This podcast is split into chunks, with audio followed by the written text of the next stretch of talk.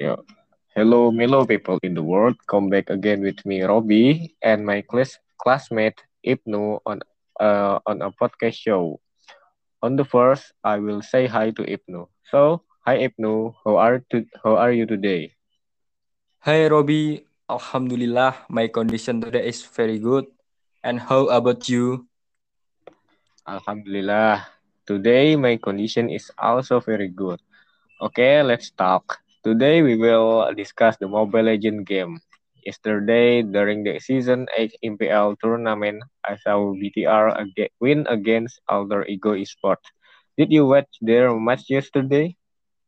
Yes, of course. A very exciting match, especially when BTR had difficulty in the early game and was finally able to turn things around and win in the first game.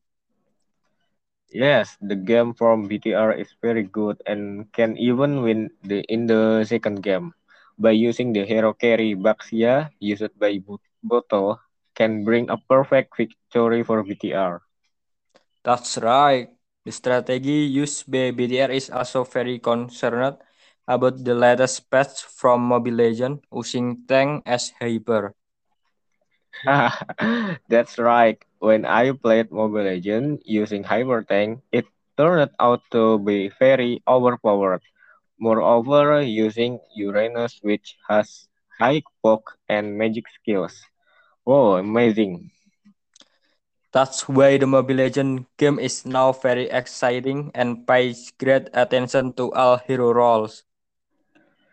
Mm, okay, I think that's enough for of our conversation. Thank you, Ibnu, for sharing the story and Thank you to all who have listened to my to our podcast. Thank you.